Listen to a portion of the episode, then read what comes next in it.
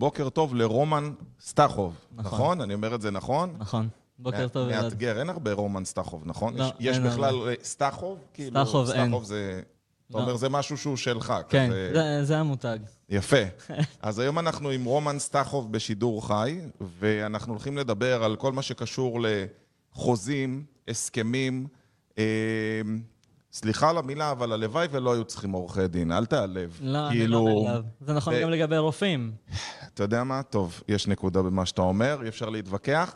אנחנו לא באמת רוצים להשתמש בדברים האלה, אבל לצערי הרב אנחנו חיים בעולם שכדאי שיהיה לנו עורך דין. אה, הפכנו קצת להיות כמו ארצות הברית בצד הזה, והיום אנחנו הולכים עם רומן לדבר על כל מה שקשור בעצם לפן המשפטי, איזה עסקאות מותר, איזה עסקאות אסור, מה קורה באינטרנט, מה קורה כשעושים ביטולים, אה, כל מיני תקנות. אה, רומן יש לו ממש מומחיות אפילו איך להימנע מתביעות ייצוגיות, חושב שזה טרנד אה, מאוד מאוד חזק, שתובעים ימין ושמאל כל מי שזז. אז רומן, אני אתן לך להציג את עצמך, בוא תציג את עצמך רגע בעודי לוגם פה כוס קפה. אז אני, כמו שאמרת, אני רומן סטחוב, אני עורך דין שמתמחה בליווי עסקים. זה מה שאני עושה ביום-יום. יש לי שורה של עסקים שאני נותן להם שירות טוב בכל מה שהם צריכים, ואין עסק שאין לו לקוחות, ואנחנו מסדירים באמת את כל ההתנהלות מול הלקוחות האלה, מה קורה אם הם רוצים לבטל עסקה, אה, מהם התנאים, התנאים המסחריים של כל עסקה. בעצם נותנים להם איזושהי מעטפת שהם יהיו הכי מוגנים שאפשר. מדהים. אז אה, בוא תספר לי רגע, כשאנחנו מתעסקים על הסכמים, מה לא מספיק שעושים הסכם בעל פה? הרי תמיד אומרים שגם הסכם בעל פה זה הסכם לכל דבר, אז זה, זה לא מספיק לנו? אז, אז אני מסכים איתך שגם הסכם בעל פה זה הסכם לכל דבר, זה אוקיי. באמת החוק. זאת אומרת, אין על זה עוררין, זה באמת לא, נכון. זה נכון, אוקיי. אבל הבעיה היא אה, שכשאתה עושה משהו בעל פה, אין לך את הערך הראייתי של הסכם כתוב. כלומר, יש לך חוסר ודאות ואתה לא זוכר מי אמר מה. לצורך העניין, לפני שבוע לקוח שלי עבר אה, ממשרד לנכס אחר שהוא שוכר, והוא העביר מצלמות ואת כל התקשורת לנכס החדש. ואז הבחור שעשה את ההעברה שואל אותו, כמה נקודות אינטרנט אתה צריך? אוקיי. הוא אומר לו שמונה. אוקיי, זה 200 שקל לנקודה. ואז הלקוח שלי לא אומר, יקר. לא, לא יקר. אבל הוא אומר לו, אבל סיכמנו שזה כבר כלול במחיר הנקודות אינטרנט. עשו את זה בעל פה. התחיל ויכוח. כן אמרת, לא אמרת, נכון. לא, הבנתי, לא הבנת למה התכוונתי. נכון. אני הכי אוהב את המשפט הזה של לא הבנת למה התכוונתי. אתה יודע, זה אחת הסיבות שאני, גם עם עובדים, אני לא מעביר הוראות בעל פה. אני כותב להם את ההוראות שלי, כי אם אני באמת רוצה לוודא שזה יהיה אה, מוצלח, וכמו שביקשתי, אז אני תמיד דואג לוודא שהכל יהיה כתוב. הכי טוב. אוקיי, אז עכשיו הייתי רוצה לקבל ממך דגשים. תראה, יש המון המון הסכמים שרצים באינטרנט, ואני חושב שלא לכל דבר אני חייב עורך דין. מה באמת התחומים שהיית ממליץ לי לא להוריד הסכם מהאינטרנט? נגיד, סתם אני אתן לך דוגמה, הסכם שכירות, זה בסדר להוריד מהאינטרנט? לא. יש הסכם כלשהו שאתה מרשה להוריד מהאינטרנט? או שאתה אומר, זה תראה. סתם מלכודת בשביל למשוך אליך לקוחות? כאילו, מי שמפרסם את זה, זה נועד אך ורק אה, לדוג לקוחות. תראה, הסכם אה, שלא מתאים לך הוא יותר גרוע מהסכם, מ- מלהיות בלי הסכם בכלל. נמק. בהסכם כל מילה חשובה. אוקיי. אוקיי? אה, ואם אתה לא מתאים את ההסכם בדיוק לצרכים שלך, אתה יכול ליצור לעצמך את המלכודות שלך. ו... תן לי דוגמה. ספר לי איזה סיפור ככה על מישהו שעשה איזה משהו כזה. אני אתן לך דוגמה למישהו ש... אני אתן לך דוגמה לחשיבות של כל מילה אה, בחוזה. אוקיי. יש לי לקוח, אולם אירועים, אה, אולם אירועים גדול, מוכר, כל עמי ועמי התחתנו שם, וליד האולם הזה התחילו לבנות מבנה, 20 מטר אה, ממש קרוב. ממש, וזה משאיות, וזה רעש, וזה קידוחים בזמן החופה, ו- וזה נזקים אדירים. מי שבונה את המבנה החתים את הלקוח שלי על הסכם ויתור, שהוא מוותר על כל טענה על הנזקים. הביא לו 300 אלף שקל, ואמר, זהו, זה הפיצוי שלך. על זה שבונים לידך. כן, אוקיי. אבל הבנייה נמשכה שלוש שנים, וואו. וגרמה נזקים במיליוני שקלים, באמת, אני לא מגזים. לא מקנא בזוג שמתחתן ופתאום הוא מגלה שקודחים לידו. לא לא נראה לי שהוא היה. משלם בסוף האירוע. לא רק קודחים, יש גם אה, את המנוף עם הגולה הענקית מעל החופה. מנוף הריסה כזה, כן. לא נעים בכלל. לא. אה, ואז בא הלקוח שלי ושואל מה עושים, חתמתי. חתמתי על הוויתור. באתי, ישבתי, עברתי, קורא בעיון, ומה שהם אה, כתבו זה שהלקוח שלי מוותר על כל הנזקים שקשורים להקמת הבניין. אבל יש המון נזקים שהם מסביב, שהיו גם אחרי הקמת הבניין, שהיו לפני הקמת הבניין. מפה לשם הצלחנו להשיג פיצוי שהלקוח שלי חשב שאין סיכוי להשיג כלום. זה, זה מה שאנשים לא מבינים, שבהסכם כל מילה, כל כל, מילה. פסיק, איפה שמתם את הפסיק ואיפה שמתם את הנקודה, יש לזה משמעות מאוד גדולה. נכון, ואפילו מה נרשם לפני מה. נכון. נכון? גם לסדר, ברור, יש לזה הסדר. חשיבות. ואנשים לא, לא מבינים את זה, ואתה יודע מה, אני אקח את זה למקום אחר. היו אצלי אה, שני חבר'ה השבוע שרוצים לעשות אה, הסכם מייסדים ביניהם.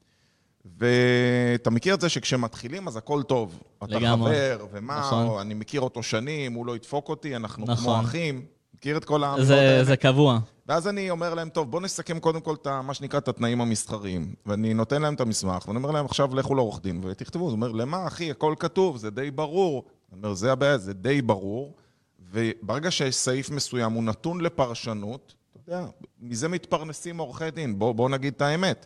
כאילו, אחד נכון. יכול להגיד, לזה התכוונו ככה, ופה לא אמרו ככה, וכאן לא התנו את זה במשהו אחר.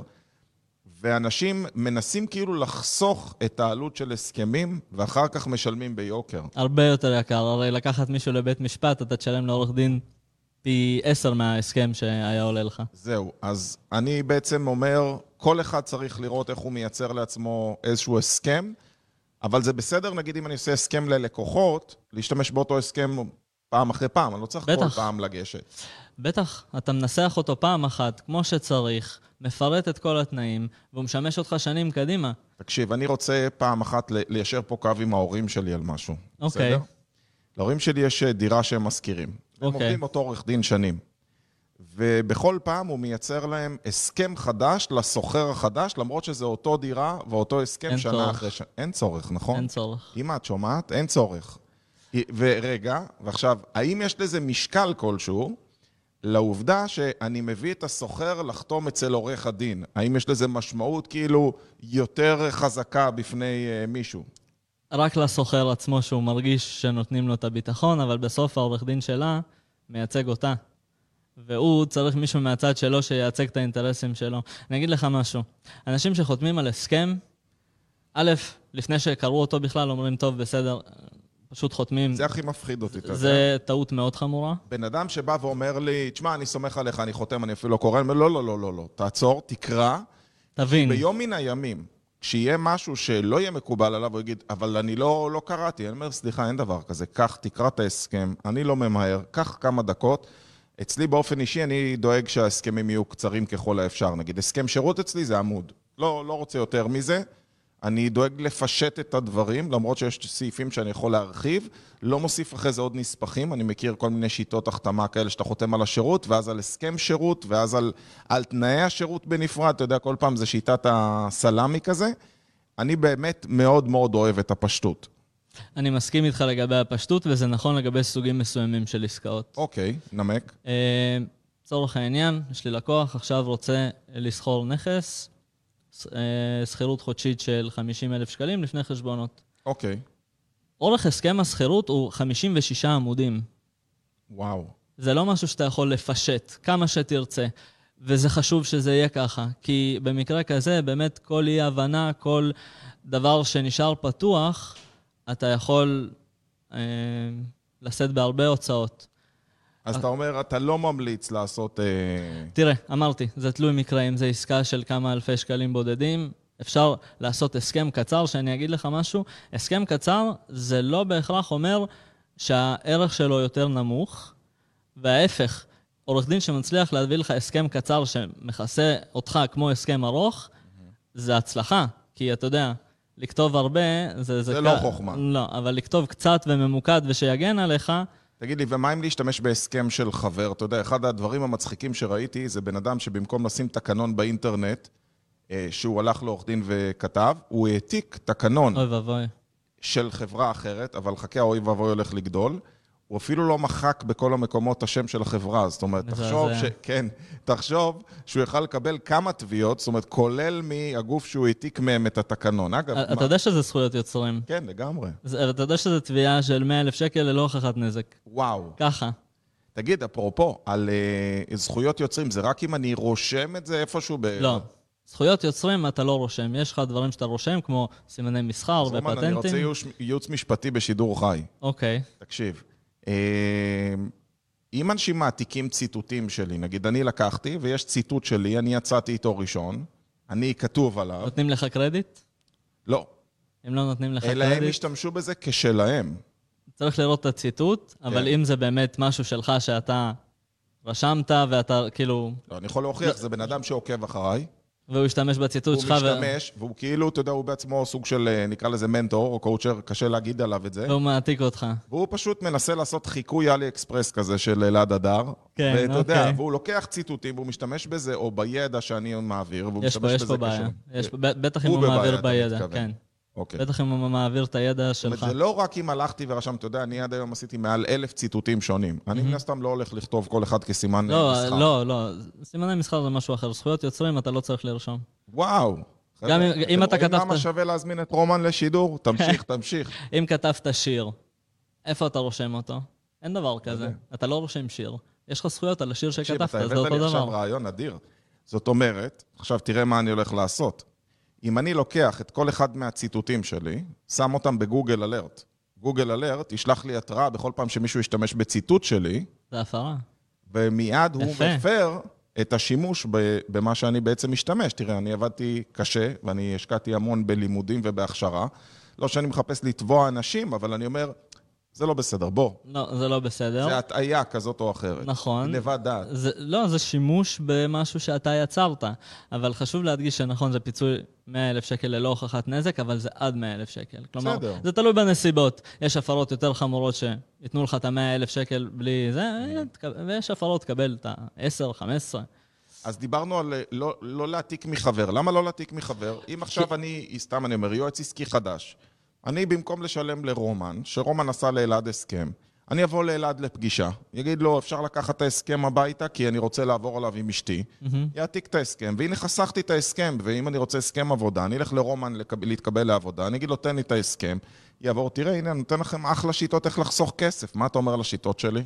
שזה שווה ערך ל- להוריד הסכם מהאינטרנט, כי okay. אוקיי. זה לא מתאים לך. אתה עושה משהו אחר, זה לא אחד לאחד.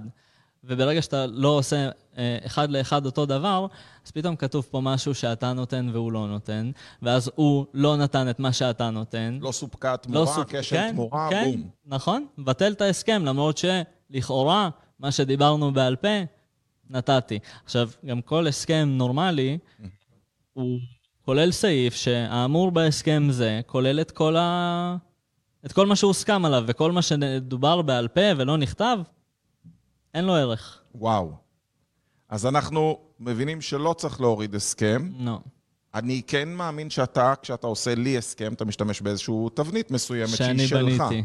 אבל אתה יודע בדיוק מה לשנות בה, נכון. ואתה יודע במה לגעת. אני לצורך העניין, דרך אגב, בדיוק בזה עושה הסכמים, ופתאום מגיע אליי לקוח שהוא, אני קורא לזה פנסיונר של סקסס, מישהו שהיה לקוח שלי לפני שלוש שנים וחזר כרגע לשירות. ובעקבות הדבר הזה הוא באמת חזר לשירות והתחיל מחדש, אבל הוא ביקש שינויים, הוא אומר אה, כל מיני תנאים, לא רוצה לתת לכם רעיונות, הוא, הוא יודע מה לבקש אחרי שהוא היה לקוח שלנו, הוא היה מוכן לשלם פי שתיים על השירות בשביל לקבל דברים מסוימים יותר ודברים מסוימים פחות, וקיצור, עשינו לו שינויים, אבל אני יודע באמת מה לעשות לו את השינויים, כי זה לקוח שלי וזה ההסכם שלי, אבל בשום אופן אתה אומר, לא לקחת מחבר, לא לנסות לחסוך, אתה יודע, זה אבסורד. בן אדם הגיוני לו להשקיע על מיתוג. בין, יש לי לקוח שעכשיו הוציא על מיתוג 220 אלף שקל. אה. כן, זה ממש יפה. אה, יש אנשים שזה הגיוני להם לחלוטין לבוא ועכשיו, אתה יודע, להוציא כסף על, אה, לא יודע, על משרד מפואר, אבל שאתה צריך לעשות הסכם, שזה בסוף מה שמגן על הכסף שלך, זה כמו שומר הסף בדלת, ששומר שהכסף שאתה מגיע לך בסוף באמת יגיע לך. בזה אנשים, אני מוצא שחוסכים מדי פעם. אתה יודע מה אני אומר לאנשים האלה? מה? שואל אותם, הם מגיעים אליי לפגישה, שואל איך הגעתם. אומרים לי בדרך כלל ברכב. ביטוח רכב יש לך? כן. ואתה מעדיף לשלם ולא להשתמש? נכון. נכון. וביטוח דירה יש לך? יש. אפילו עשית הרחבה לשמשות או לנזקי נכון. מים וזה, ואתה לא בונה על זה. ואתה גם משלם שנתי, כל שנה מחדש. נכון. פה אתה יוצר משהו, שזה הביטוח לעסק שלך. כי בלי העסק שלך, בלי ההכנסה שלך, אתה בבעיה. אז אתה משלם על זה פעם אחת, וזה איתך שנים קדימה. על זה אתה חוסך, וזה יחסוך לך עשרות אם לא מאות אלפי שקלים.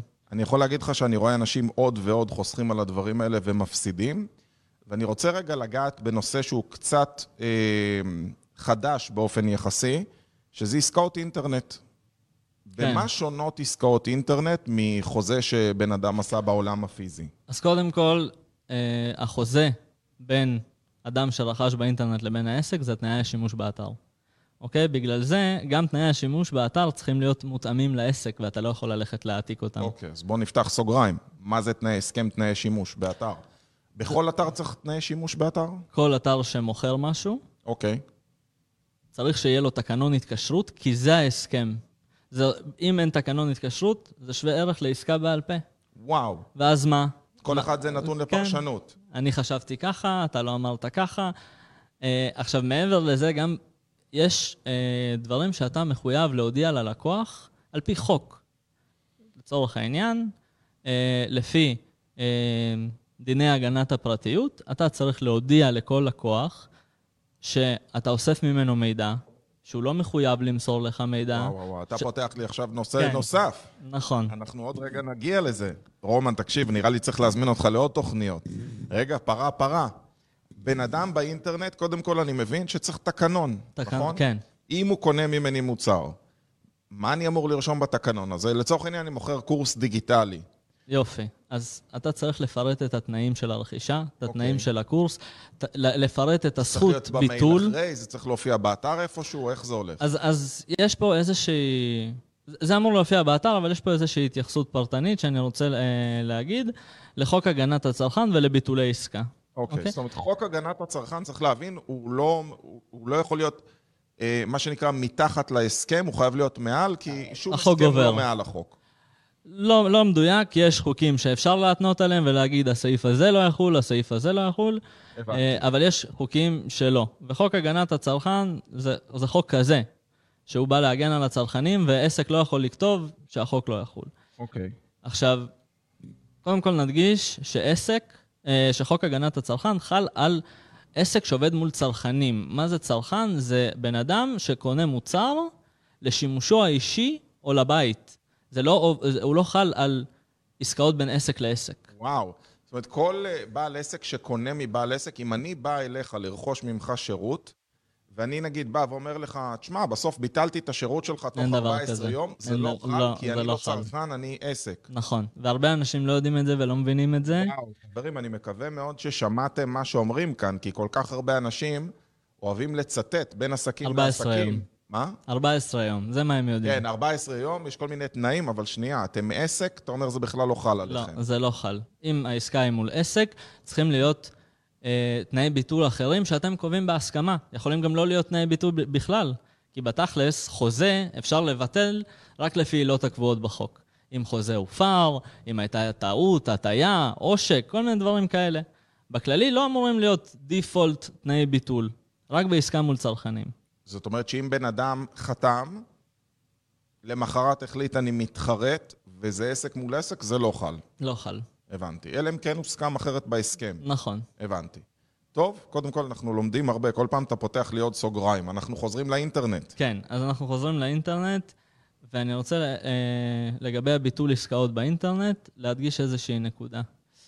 לצרכן יש 14 יום לבטל עסקה מרגע העסקה, או מרגע שהוא קיבל מסמך שמפרט תנאים מסוימים שקבועים בחוק. אוקיי.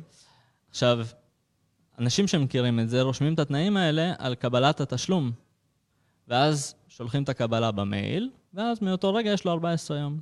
אנשים שלא יודעים את זה, ולא כותבים את התנאים האלה, חושפים את עצמם לאפשרות שהצרכן יכול לבטל את ההסכם מתי שבא לו. גם הוא אחרי לא 14. קיבל בעצם את כי הוא לא קיבל- האסמכתה? כן. כי הוא לא קיבל את המסמך הזה. ואנשים מפספסים את זה. לא מספיק שהוא נרשם, מועד ההרשמה? לא. הבנתי. זה המאוחר מביניהם. וואו. אוקיי. הרבה וואו יש היום פה בשידור. כן. יפה, אהבתי. עכשיו בוא ניקח באמת, אה, אם רכשתי טוסט באינטרנט, אוקיי.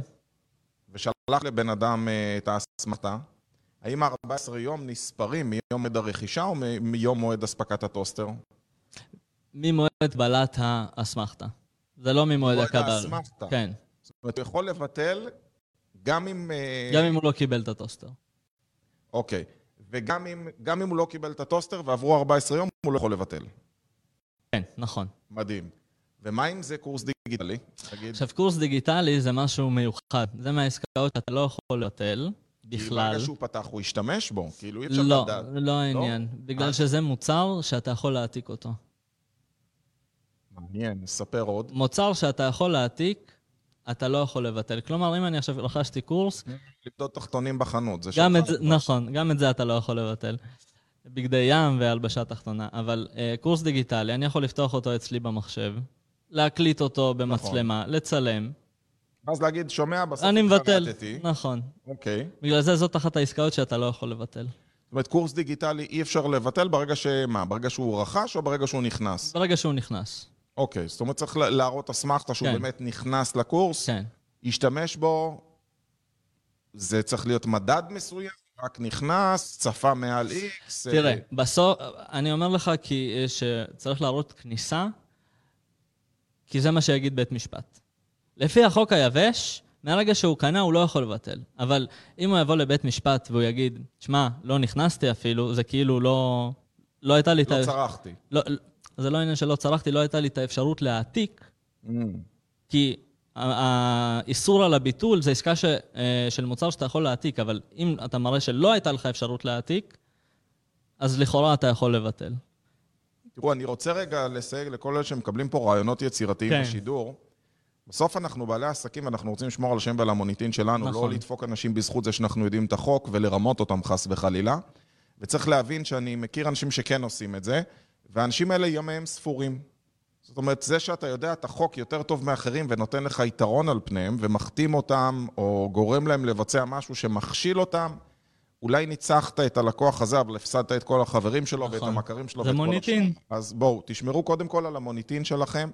אני מדבר בתור מישהו שיש לו את אותו עסק 23 שנה, ואני עצמאי 30 שנה. אתה ידעת שאני עצמאי 30 שנה? לא. אני עצמאי מגיל 17. צריך חברה בעם ראשונה בגיל 20, אין תחליף לשם שלך. וכמו שאני ואתה יכולים להכיר מלא אנשים משותפים, בטוח שאתה תכיר לי הרבה אנשים, אני אעשה איתך עבודה טובה.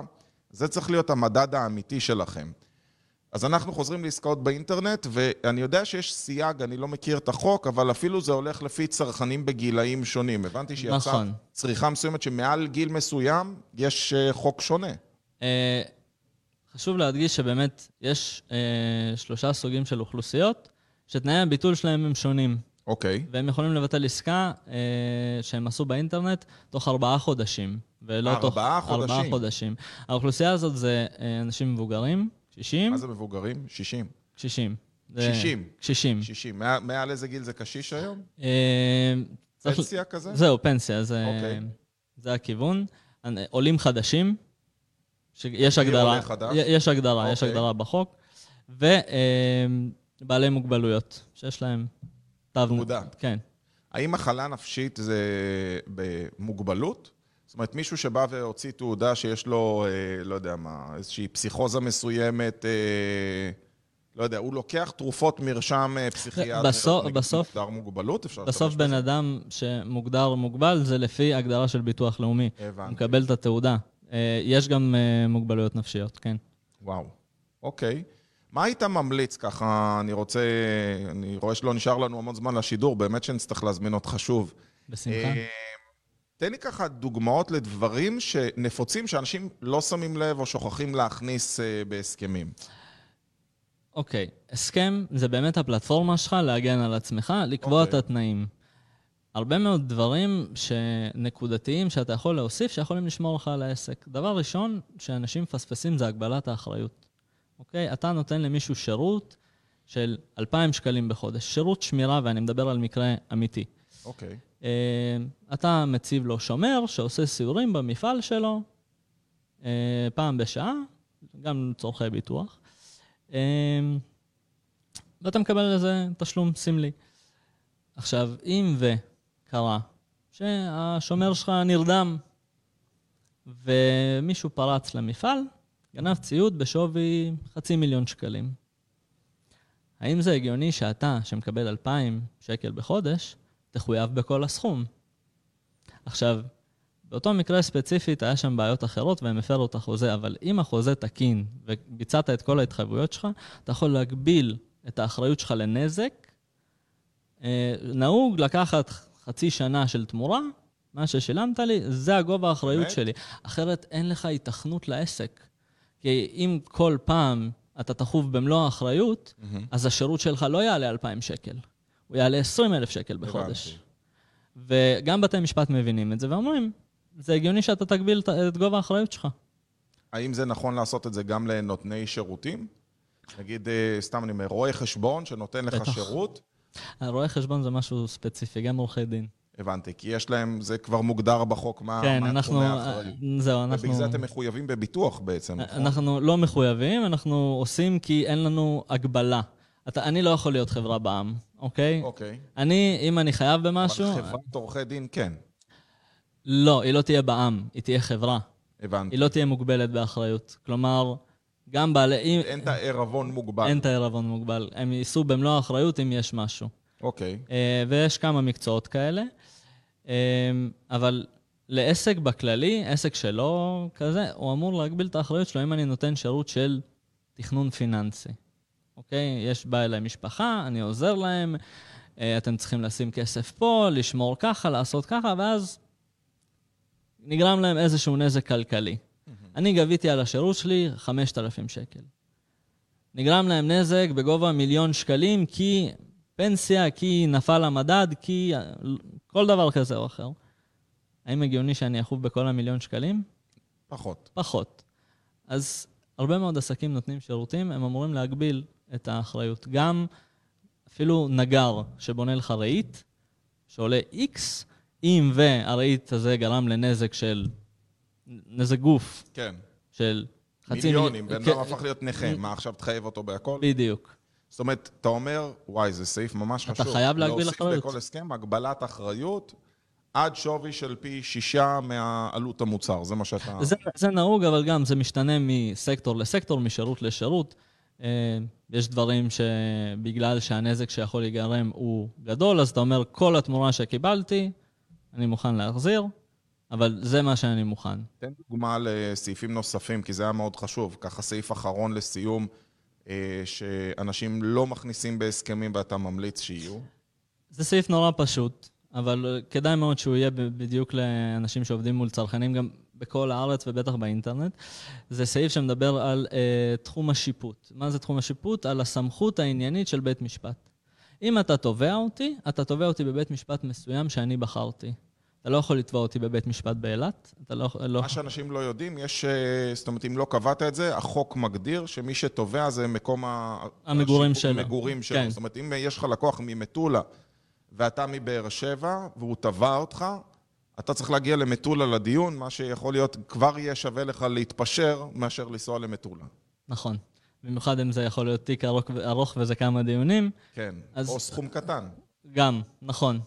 אז בוא תשים אה, סעיף אחד וזה יפתור לך את כל הבעיות, ו- וגם הרבה פעמים זה ימנע מאנשים לתבוע, כי ההוא ממטולה... לא ירצה להגיע לבאר לא שבע. לא יבואו לבאר שבע בשביל כמה שקלים. עסקת אינטרנט, אפרופו, זה תופס אותו דבר? בטח, בתנאי שימוש מגדירים את זה. לא, זה גם, גם כן, באינטרנט ב... זה לפי מקום כן, המגורים? כן, בכל הארץ. כן. זאת אומרת, זה החוק הפשוט. כן. מדהים. טוב, אז uh, אני קודם כל רוצה להודות לך מאוד. אם uh, מישהו היה רוצה להתייעץ איתך, זה אפשרי? בוודאי. אז איך יוצרים איתך קשר? אפשר לכתוב לי בפייסבוק, אני עונה לכולם. מדהים. אז פשוט לחפש רומן סטחוב, ואפשר ליצור קשר. כן. חברים, מי שלא יודע, היום יש לנו את ההרצאה 26 נכסים ארגוניים. בוודאי שהסכמים וחוזים זה אחד מהנכסים שצריכים להיות לכם בעסק, כי בלי זה לא יהיה לכם עסק מהר מאוד. מי שעדיין לא נרשם, שישלח לנו הודעה פרטית, נשלח לו קישור, נראה אם עדיין נשארו מקומות. אתמול בערב שספרתי עוד 98 אנשים שנרשמו לאולם. אתה רואה, האולם לא יכול להכיל 98, אבל לא כולם מגיעים. ויש לנו גם הפעם שידור בזום, אז מי שירצה להירשם יכול גם בזום. אה, אם אתם עדיין לא עוקבים, יש מעליי בלון שכתוב להירשם לשיעורים היומיים, אז אתם אה, בהחלט מוזמנים. רומן, אני מודה לך מאוד. אה, מה שנקרא, לא רק הנעמת את זמני, החכמתי לא מעט בעצמי בשידור הזה. אני מודה לך שאירחת אותי. ממליץ בחום למי שרוצה לקבל עזרה מקצועית מעורך דין שבאמת מתמחה בתחום הזה, ולא לקחת את העורך דין משפחה שעושה את הכל, שאיך אומרים, על הדרך יעשה עוד דברים, כי כל אחד והתחום מקצועי נכון. שלו. חברים, שיהיה לנו המשך סוף שבוע נפלא, תזכרו, יום שישי, יום יתרון. ביי ביי. ביי ביי.